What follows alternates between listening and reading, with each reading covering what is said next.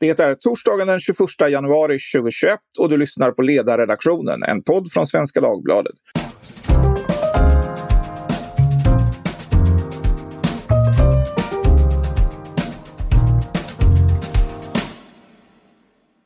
Jag heter Fredrik Johansson och idag kommer vi att prata om att Donald Trump lämnat Vita huset och att Joe Biden nu är insvuren som Förenta Staternas 46 president. Med mig för att göra det har jag Carl Merin som till vardags är samhällsanalytiker på TCO-anknutna tankesmedjan Futurion och har tidigare jobbat med opinionsundersökningar på United Minds, Gallup och Socialdemokraterna. Samt Olof Ehrenkrona som tidigare är bland annat diplomat och också för närvarande är skribent här på Svenska Dagbladets ledarsida. Och inte minst skrivit mycket om amerikansk politik på senare tid. Ni är båda hjärtligt välkomna. Roligt att vara med. Tackar. Ja. Ja, igår fördes alltså Joe Biden in som USAs president. Lättnaden över att Trump lämnat Vita huset är högst påtaglig och förenade nog rätt många, i alla fall utanför USA. Biden höll ett installationstal som många hade sett fram emot och som väl inte innehöll några riktigt stora överraskningar. Själv tyckte jag att det var ett rätt hyggligt tal och Joe Biden är onekligen också en hygglig talare. Det slår inte gnistor men formatet och situationen passade honom. Så leveransen var det inget större fel på. En stor del av talet handlade, föga överraskande, om behovet av att ena landet. Och det är väl inte fel att säga att det är hans främsta uppgift som ny president. Att överbrygga klyftorna i ett land som kanske är mer splittrat än på, på mycket länge. Mycket handlade om enighet. I en passage citerade han Abraham Lincoln som nyårsdagen 1863 skrev under emancipationsdeklarationen, det vill säga det dokument som förbjöd slaveriet i de sydstater som revolterade mot Förenta Staterna. Lincoln sa då If my name ever goes down in history it will be for this act and my whole soul is in it. 158 år senare konstaterar Biden Today, on this January day, my whole soul is in this. Bringing America together, uniting our people and uniting our nation. Jag lägger hela min själ i detta, att förena nationen. Senare återkommer han till, till att det inte kommer bli enkelt. I know the forces that divide us are deep and they are real, but I also know they are not new. Our history has been a constant struggle between the American ideal that we are all created equal and the harsh, ugly reality that racism, nativism, fear, and demonization have long torn us apart. The battle is perennial. Victory is never assured. Detta är ju naturligtvis en balansgång. Han måste markera mot de krafter som alldeles uppenbart hotar USAs grundläggande ideal samtidigt som han ska bygga en enhet i landet. Det har också varit en diskussion om huruvida det här talet var förenande eller var splittrande. Nu ska väl sägas att de som hävdade senare verkar utgöra en relativt liten eh, och eh, ganska väntad minoritet i, eh, i debatten. Men det kommer, och det har ju Biden rätt inte bli lätt. Karl Olof, vad var era intryck av det här talet? Gjorde det tricket? Eh, och vad var i så fall tricket? Om vi börjar med dig, Kalle. Ja, nej men alltså. Det är klart att det inte gjorde tricket av samma skäl som Biden säger. Att det här inte är lätt. Det är ett oerhört polariserat land. Eh, både geografiska, politiska, kulturella och etniska konflikter. Eh, så det, det, är en jättesvår uppgift. Eh, så det har han ju rätt i Biden. Men däremot så tror jag att talet var ja, rätt start. Eller det var det tal som behövde hållas igår. Det hyllades även av flera republikanska partier eller politiker, alltså som Mitt Romney och Mitch McConnell, alltså sådana som står för någon slags den icke-Trump-dominerade delen av det republikanska partiet. Vad är din kommentar till det här, Olle? Nej, jag, jag i stort sett delar Karls uppfattning här. Det, det var ett bra tal eh, så tillvida att eh, det utgick ifrån vilket ansvar varje politiker och varje samhällsdebattör har för eh, hur diskussionen förs. Det, var inte bara, det handlade inte bara om liksom, eh, åtgärder av traditionell politisk art, utan, för det var väldigt lite av det. Utan det var framförallt hur vi beter oss mot varandra och hur vi förhåller oss till varandras argument och hur beredda vi är att lyssna på varandra. Och, och, och sådana här grundläggande mänskliga kvaliteter eh, som politiken ändå sist och slutligen måste bygga på. Eh, det, vill säga, det var ett tal för, om anständighet för anständiga människor var det ett tal som passade Joe Biden? Han kanske inte hade så mycket alternativ, men är det bot känner ni att han bottnar i det här? Att han är en trovärdig avsändare till det här budskapet? Kalle? Ja, det skulle jag säga. Alltså, det är till och med så att en av de starkaste invändningarna mot Biden i primärvalet var ju det att man såg att han var lite, kanske lite naiv. Att han stod för den gamla synen i Washington där senatorer kan träffas på rummet, ta en cigarr, en, ett glas bourbon och göra upp. Och där man i grunden löser problem tillsammans. Eh, jag tror att han i grunden längtar tillbaks till den tiden. Han har ju själv berättat om att han som ny senator på 70-talet där flera av hans mentorer tillhörde de som politiskt stod ganska långt ifrån honom. Så jag tror att han de facto tror på detta. Han är inte en som pratar om enighet för att opinionsundersökningarna säger att han ska prata om enighet utan han tror på detta det här med eh, kritik, det har ju funnits en kritik eh, från, eh, så att säga, från republikanskt eller från så att mer Trump-orienterat håll. Har ni sett någon kritik från andra sidan? Att han inte är tillräckligt hård och tillräckligt tuff och att han tonar ner så att säga, den politiska agenda som det kanske finns en förväntan kring i vad man då skulle kunna uttrycka vänsterdelen av hans eget parti. Har ni sett någonting av sådant? Ja, eh, nej, men det finns ju sånt. Det finns framförallt, eh, kanske inte så att de säger att han inte ska prata om enighet. Sen kan det vara de som säger att de har inget skäl till att bli eniga med de som liksom stormar eh, kongressen. Men däremot finns det de som menar att nu, nu har Demokraterna presidentposten, nu har de senaten och representanthuset. Nu ska de liksom inte backa utan nu ska de driva igenom sin politik. Eh, jag tror att det är en lite naiv inställning i ett läge där det är 50-50 i senaten och åtminstone tre av de 50 demokraterna är hyfsat eh, mittenorienterade eh, Eh, och majoriteten i representanthuset är liten. Men det är klart att det finns väldigt stora förväntningar. Och att balansera de förväntningarna med vad som går att genomföra. Men jag har inte hört några som tycker att det är fel att prata om enighet eller någonting sånt där finns det ju de som naturligtvis skulle vilja att man typ utesluter dem ur senaten som röstade mot och accepterar valresultatet och liknande. Jag tror det kommer att blåsa över. Vad säger du Olof om detta? Vad är din bild av, av hur han positionerade talet relativt sitt eget parti? Alltså, om man tittar på...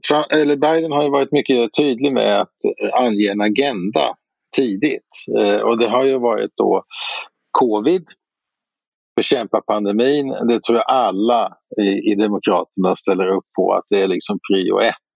Och naturligtvis många republikaner. Det dör ju 3-4 tusen om dagen i USA just nu. Så att eh, det, det tror jag är, avleder mycket uppmärksamheten från de andra.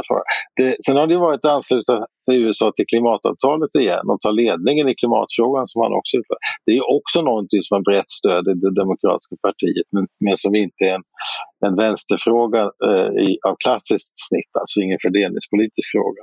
Så att där tror jag också att han har, eh, eh han har ganska Eh, plain sailing om man säger så eh, framöver och det är, det är två tunga bitar.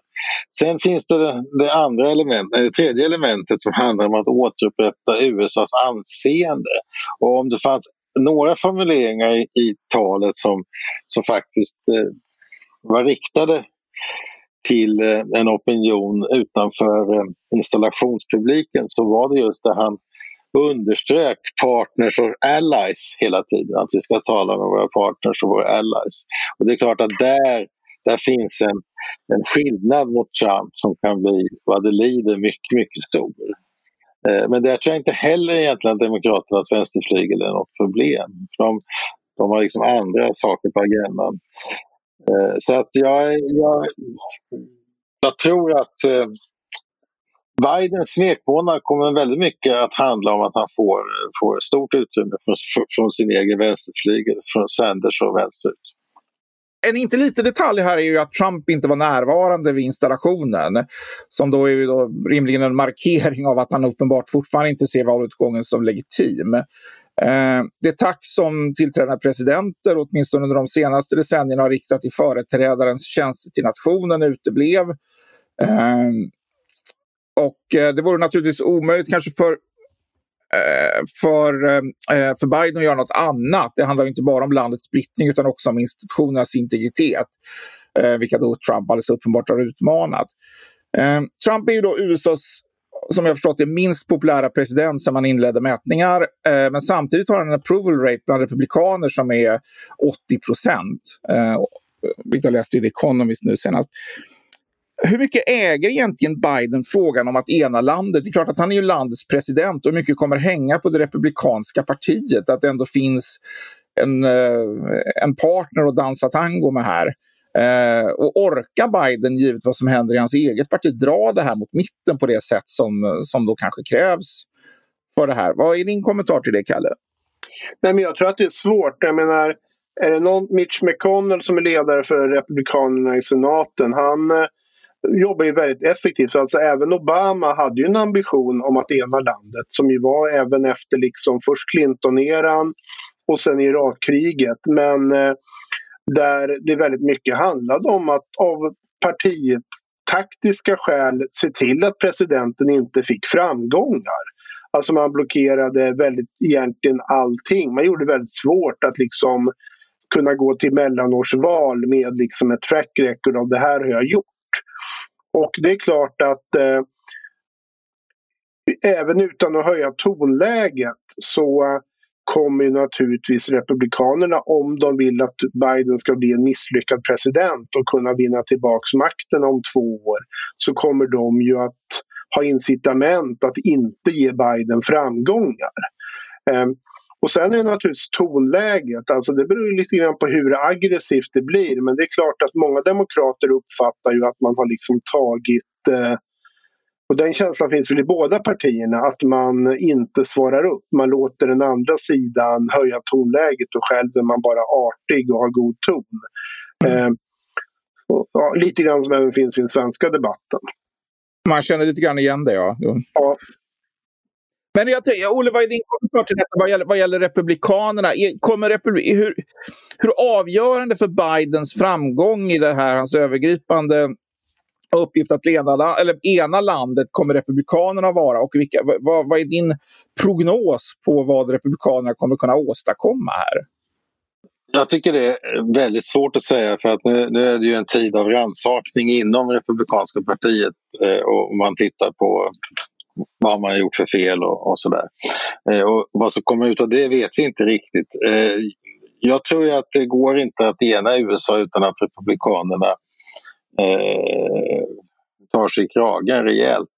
Först och främst måste man erkänna att eh, Trump talade osanning när han sa att han har vunnit valet och att, att valet är stulet. Det vill säga precis det som Mitch McConnell gjorde som avskedshälsning. Eh, dels sa att Trump hade ljugit och dels sa att det var Trumps eh, stora ansvar att eh, kongressen hade stormats som den gjorde. Så det, det tror jag är viktigt att man från republikansk sida faktiskt eh, tar itu med den frågeställningen. Sen är det ju den fråga som Carl tar upp här. Eh, och det finns ju anledning ändå att notera att kongressen har ju bara halva den popularitet som Trump har. Eh, och det sammanhänger naturligtvis med att kongressen uppfattas ha varit, eh, haft svårt att fatta beslut och haft svårt att göra sig gällande på ett konstruktivt sätt i amerikansk politik. Eh, men det är ett långvarigt problem skulle jag säga. Det, det går tillbaka flera decennier.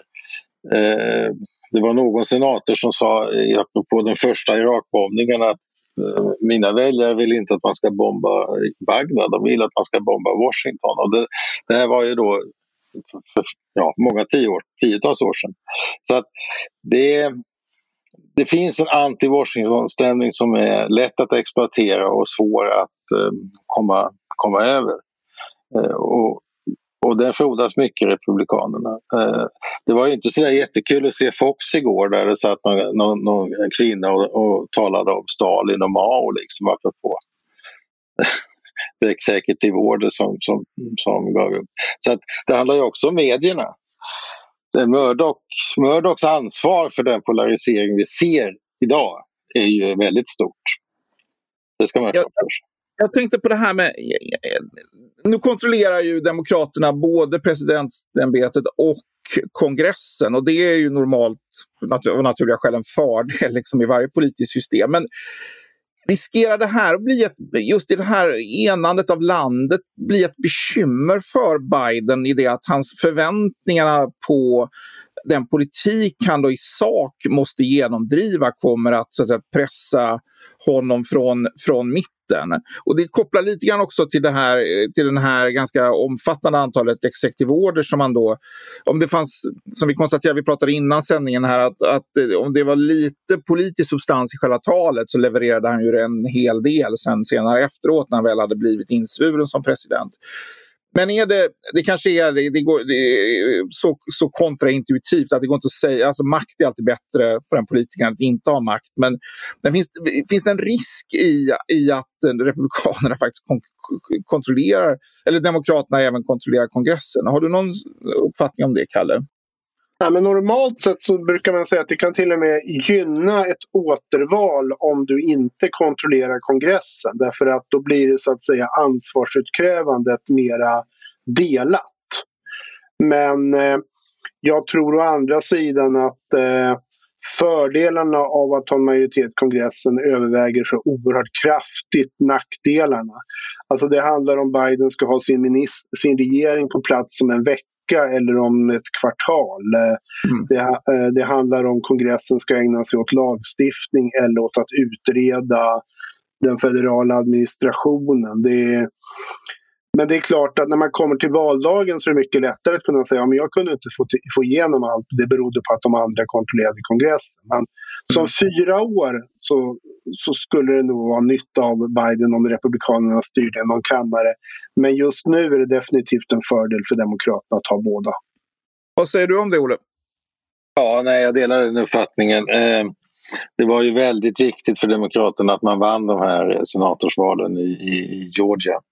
Eh, och det var ju uteslutande, eh, skulle jag säga, uteslutande eh, Trumps utomordentligt dåliga uppförande efter valet som, som, som gjorde att Demokraterna fick den det övertaget som de nu får i senaten. Eh, det kommer ju också att vara en del av det republikanska partiets utvärdering av perioden med Trump. Eh, och eh, där finns ju också ett element i, i impeachmentprocessen eh, eftersom han ju ägnade sig åt att försöka tubba valförrättarna att, att skänka honom 11 780 röster så att de skulle vinna Georgia. Så det, det är liksom, ja, det, det, finns många element i det här som, som, som, som, som ökar på dramatiken i, i, i, när det gäller majoritetsförhållanden. Nej, I det perspektivet så är ju, är ju, precis, så är utfallet i Georgia kan man säga, då konfirmerar i någon mening eh, Trumps förlust. Alltså det hade han, hade han vunnit där. Men det är en, det är så en annan fråga än majoritetsförhållandena i, i, i senaten och det påverkar liksom mm. framtiden. Men det, det, det påverkar ju rimligen tol den republikanska tolkningen av, av valutfallet i en mer eh, nykter riktning.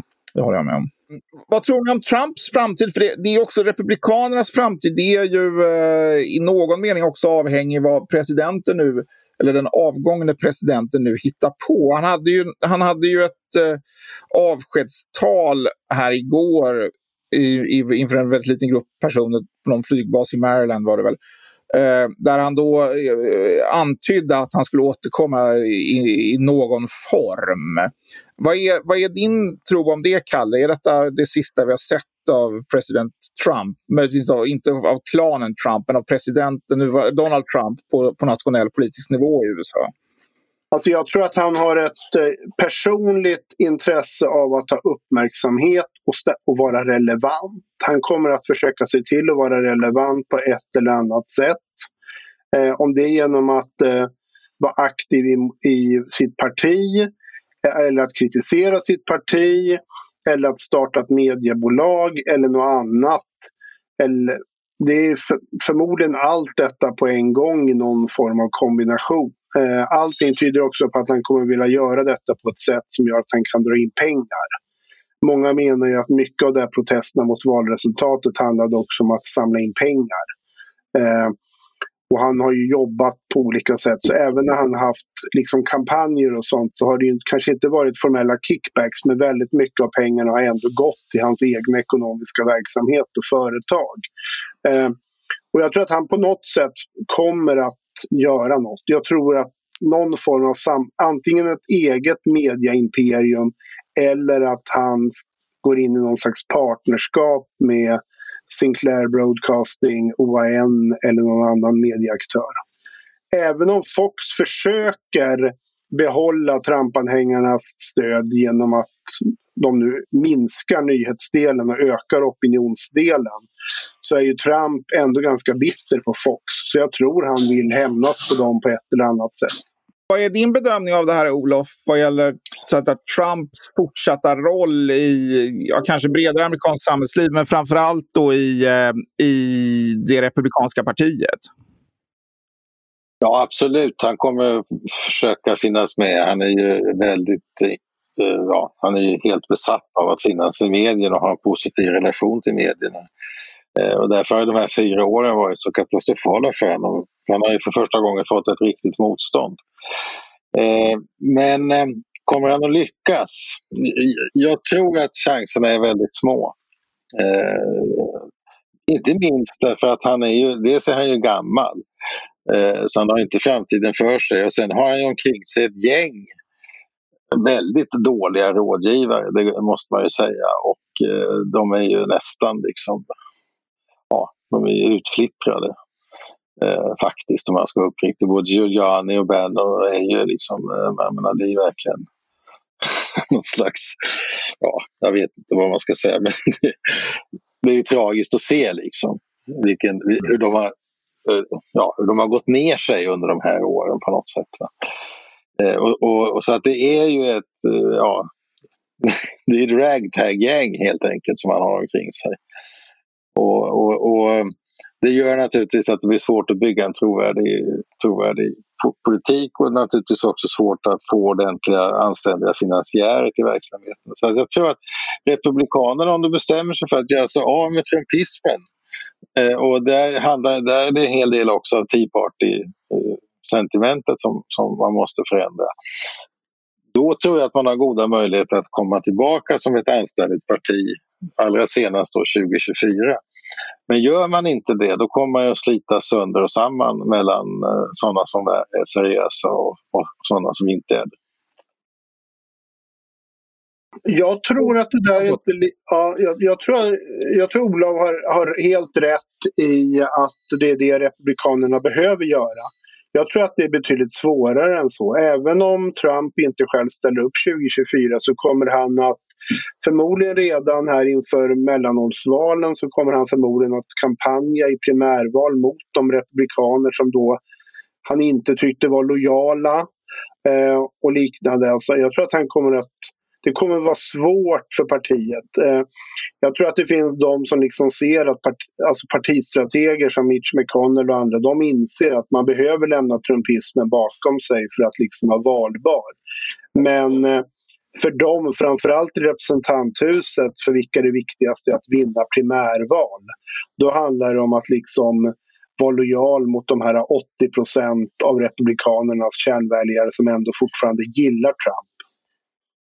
Ja, ja, vi får väl se vad han, vad han tar vägen. Han verkar inte vara den som riktigt accepterar en förlust, för att uttrycka sig försiktigt. eh, om man, om man går till substansen i talet och det som fanns. Det fanns ju ett eh, ganska begränsat, för att uttrycka sig försiktigt, utrikespolitiskt avsnitt i det här. Eh, och det hade, har väl sina naturliga förklaringar. För det är, det är klart att det viktigaste budskapet världen vill höra är väl att USA försöker läka samman som land och få en president som omvärlden kan känna att man har mer tillit till och man kan göra eh, mer eh, stabila affärer eh, med. Men han sa i alla fall, och det går att läsa upp i princip hela det stycket. The world is watching, so here is my message to those beyond our borders. America has been tested and we have come out stronger for it. We will repair our alliances and engage with the world once again. Not to meet yesterday's challenges, but today's and tomorrow's. We will lead not merely by example of power, but by the power of our example. We will be a strong and trusted partner for peace, progress and security. Slutcitat. Och det är väl gott så. USA har gått igenom ekluten, kommit ut starkare och han kommer engagera USA internationellt och stå upp för de allianser eh, som USA eh, har, ingått. Och det är väl det minsta då världen förväntade sig. Men jag är ändå lite förvånad ändå att man inte tog lite mer höjd här. Möjligt, möjligtvis handlar det om att just hantera, hantera förväntningar. Eh, och det var någon som, som sa det att det här, det är klart att det här med att leda med exempel är ju att ta höjd, inte minst exempelvis i klimatfrågan. Men vad, vad, vad är er tolkning av det här Olof, du var inne på det lite grann tidigare, att han ändå pratar om sina allianser och sådär. Detta, var, var detta ett tillräckligt ben till, till, så att säga, till, till världen från, från USAs tillträdande president? Ja, alltså i samma, tillsammans med de exekutiva eh, ordrarna igår, både klimatavtalet och ansl, återanslutningen till WHO var ju liksom starka signaler i, i, i rätt riktning nu att USA är beredd att engagera sig igen i de internationella multilaterala kontexterna. Det är ju jätteviktigt. Mm. Mm. Det innebär ju också att man kommer att eh, rätta upp sin medverkan i WTO sannolikt, vilket ju också är oerhört betydelsefullt. Eh, sen har ju Europa ser ju vilka han omger sig med. Både Tony Blinken och Jake Sullivan är ju väldigt respekterade. Alltså oerhört respekterade. Det är, de, mm. de, det är liksom verkliga A-laget när det gäller amerikansk utrikes och säkerhetspolitik. Eh, och rutinerade och, och så. så att, och det ser ju också omvärlden och man ska ha klart för sig att i vardagen så handlar det ju mycket om att man kan ringa till Vita huset och prata med medarbetarna och till State Department och de här och, och, och finnas på samma mentala planhalva och veta att presidenten sitter inte där med några godtyckliga påhitt eh, som det har varit med Trump hela tiden utan det finns en säkerhet i förvaltningen att man handlar i presidentens anda och administrationens anda. Och det blir en helt andra förutsättningar för dialogen med EU och med bilateralt med, med ja, bland annat Sverige givetvis. Så det, det är en, jätteviktigt att omgivningen också är, är så sund och, och normal som den är. Biden är ju, jag läste någonstans att Biden är väl sannolikt eh, sedan George H.W. Bush den mest rutinerade utrikespolitikern som har tillträtt presidentämbetet. Och kanske till och med mer rutinerad än så. Han har ju ägnat sig åt det här i, ja, i, i nästan 50 år. Så att det, är, det är en mycket rutinerad uh, utrikespolitiker. Och han har ju framför allt har han ett internationellt kontaktnät. Jag läste också någonstans att det var någon eh, företrädare för amerikanska utrikesdepartementet som sa att när man gick runt i senaten med, med eh, utländska gäster så presenterade man alla, alla, eller de senatorer man träffade. Men när man kom fram till Biden så sa man då Hi Joe, sa då gästen. Så att det finns ju en, han är ju en eh, mycket väl connectad politiker. Eh, och det är ju en bra början och är väl också en koppling till det du säger Olof, att det finns en ja, det, det, det, är en förutsättning för någon sorts grundläggande, eh, grundläggande tillit. Kalle, har du någon, eh, någon kommentar kring, kring det här? Alltså Biden som utrikespolitiker och det han sa i talet och det som då levererades i exekutiva order sen. Nej, men det är så att jag men han har suttit i senaten i evigheter och eh, suttit i utrikesutskottet så han kan ju frågorna. Eh, jag håller med Olof där. Alltså, Bo, han är den mest erfarna av liksom hur lagstiftningsarbete ser till också i alla fall sen Johnson. Eh, så han, men jag tror att den här eh, delen Power of Example tror jag är viktig därför att eh, Trump har ju lite grann haft den här stilen att världen består av starka ledare som kör tufft, tufft och gör eh, dealar med varandra. Eh, I det där ligger också någon slags som att USA är bland the good guys. Det är inte bara det att vi har makt utan det är faktiskt så att vi ska vara en kraft för gott i världen. Och det är en viktig del. Jag tycker att man, det är klart det är inte samma stora retorik som i liksom Kennedys installation med liksom vi shall support any friend oppose any foe. Men det finns ju också en underförstådd del i inledningen av det här du citerade. att Okej, okay, vi har varit testade men ni ska inte tro att vi har blivit försvagade. Ni ska inte tro att ni kan utnyttja det här emot oss. Och det är ett budskap inte bara till Friends utan kanske framförallt till Foes. Då, precis. Ja, mer till Putin och dem skulle jag säga. Så jag tror att det var rätt att inte peka ut Foes för det, då hade hela fokuset på talet varit att nu ska Biden ge igen på Putin eller något sånt där. Det, det tror jag hade Ja, ur ett europeiskt perspektiv så är, ju, så är ju, det finns ju en oro, eller man kan säga, eller oro kanske är fel, fel ord, men, men att det här blir en fortsättning då på Obamas eh, utrikespolitik. Obamas utrikespolitiska, eh, ja, dels kan man diskutera hur, hur framgångsrik han var som utrikespolitiker, inte minst då i vad som hände i Mellanöstern, eh, där vi då är en mixed bag med utvecklingen i Syrien och eh, Eh, och det, det avtal som då slöts med Iran. Men framförallt så fanns det ju en riktning av amerikansk utrikespolitik mot Stilla havsområdet. Eh, och där Europa hamnade ja, lite längre ner på ag agendan. Vad, Olof, vad är, vad är, din, din tro om det? Är det innebär det här att, eh, att det amerikanska intresset i världen inte kommer vara kommer fortsätta att ligga, inte i Europa utan annorstädes. Och vad betyder det, om det är så, vad betyder det för kraven på både europeisk och svensk utrikes och säkerhetspolitik? Jag tror att eh, Blinken sa ju det häromdagen att eh, en av de frågor där faktiskt Trump hade eh, gjort rätt hade varit att prioritera då för relationen med Kina då, eh, och, och att strama upp USAs förhållande till Kina. Eh, han hade synpunkter på hur det hade gått till men att prioriteringen i sig tyckte han var, var korrekt och Blinken har ju också sysslat med Kina ganska mycket här de senaste åren. Bara. Så att han, han, han är väl inläst på den agendan. Eh, jag tror att eh, eh, eh Europa kommer att behöva USAs politiska stöd inom ramen för bland annat OSSE och i, i, i dialogen med Ryssland. Det kommer att vara väldigt viktigt.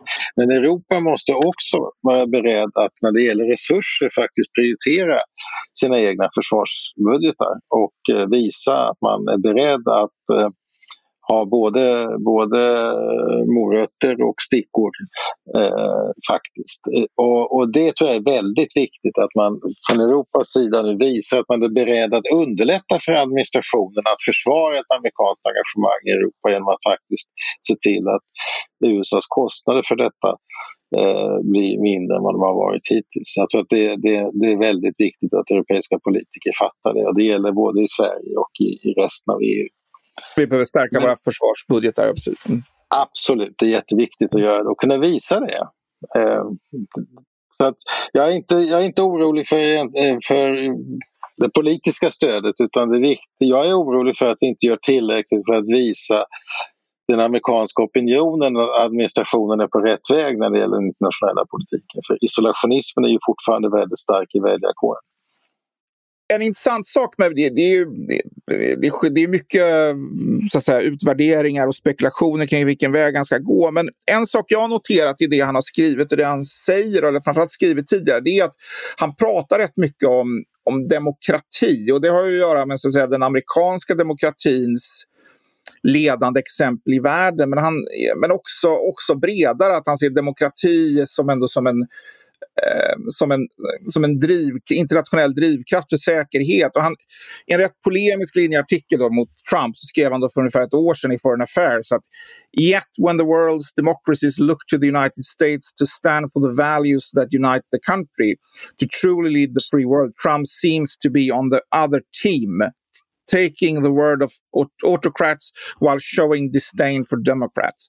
By presiding over the most corrupt administration in modern American history, he has given license to kleptocrats everywhere. Och det var ju, som jag tror det var Kalle var inne på, att det är det här att, att, att man haft en president som, som är, har, har uppfattats vara mer bekväm när han hänger med liksom världens thugs än när han hänger med, med de traditionella demokraterna. Men han tar det också längre. Han skriver så här. During my first year in office the United States will organize and host a global summit for democracy to renew the spirit and shared purpose of the nations to the free world, of the free world. It will bring together the world's democracies to strengthen our democratic institutions, honestly confront nations that are backsliding and forge a common agenda. Ja, när jag läste detta först så tänkte jag att det kommer bli mycket intressant att sätta ihop inbjudningslistan, vilka som ska bjudas in till det här mötet och vilka som då kommer att möta då det amerikanska kriteriet för demokrati. Men det finns ju också något annat här som kanske går tillbaka till... Jag, jag tänkte på, på det sätt Jimmy Carter drev utrikespolitik. Att det var liksom att det fanns ett... Det handlade ju väldigt mycket om om mänskliga rättigheter och att mänskliga rättigheter blev ett bräckjärn i relationen mot Sovjetunionen och sådär. Sen så misslyckades ju det här av lite andra skäl och eh, Carters utrikespolitiska legacy kanske inte var heller sådär fantastiskt. Men vad, vad, tror ni om det här? Kommer, kommer vi ha ett... Eh, ändå en sån rutinerad utrikespolitiker kommer att, kommer att representera en mer moralisk Jämfört med Trump är inte så svårt, men en mer, generellt sett en mer moralisk utrikespolitisk agenda inte bara av liksom idealistiska skäl utan också av strategiska skäl. Vad tror du om det, Kalle? Ja, men det tror jag. Eh, det kommer, det finns där. Och det går ju att ha synpunkter på Obamas men eh, att han liksom inte liksom levererade på det här moraliska ledarskapet. Alltså det är både det är både de vackra orden och där levererade ju Obama. Men det handlar också, om man ska vara lite krass då, ja, om man tittar på det som Clinton gjorde till exempel i Serbien. Att eh, ska man kombinera morötter med piska också när det begås folkmord och liknande. Eh, och där tror jag att Biden möjligtvis har en lite mer realistisk utrikespolitik än vad Obama hade, även om de liksom i grunden när det gäller mål och demokratiska ideal och sånt eh, så att säga är överens. Sen om det bara är det här vi pratade om tidigare, Europa eller Kina, alltså det är ju det handlar inte om att välja bort Europa utan det handlar om realpolitik utifrån vilka är de största handelspartnerna. När nästan all handel var mellan USA och Europa så är det klart att det fick ett större fokus. Idag står Kina för en mycket större del av världsekonomin. Men där har vi också då den utmaningen att där har vi olika demokratiska ideal och det här är en fråga som ja, när vi diskuterar Huawei och Ericsson och sånt varje dag. Så hur mycket får moralen kosta? Hur mycket kan vi acceptera och göra affärer med människor som har koncentrationsläger och förtrycker sin befolkning? Vilket ju i Kinas fall är helt uppenbart är en inte helt enkel fråga vare sig för politiker eller för företag. Jag tror att, om jag kommer till den första delen där, så jag, jag, tror att det ligger mycket i det Olof, Olof säger. Att man, och det, det du också är inne på, att det, det är klart att amerikanska det är bara att räkna på det så att säga. Att Amerika, var, vad, fokus för amerikanska intressen hamnar är ju... Att det hamnar i Stillahavsområdet är ju inte så konstigt.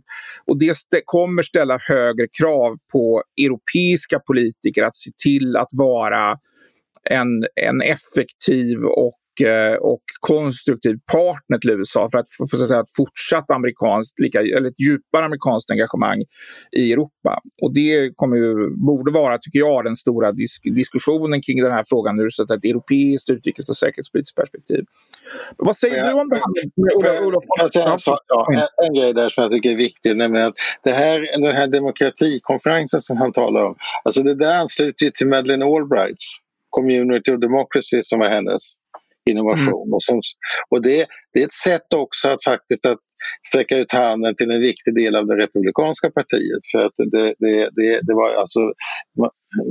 De, i, i, I neokons profil låg ju mänskliga rättigheter och demokrati.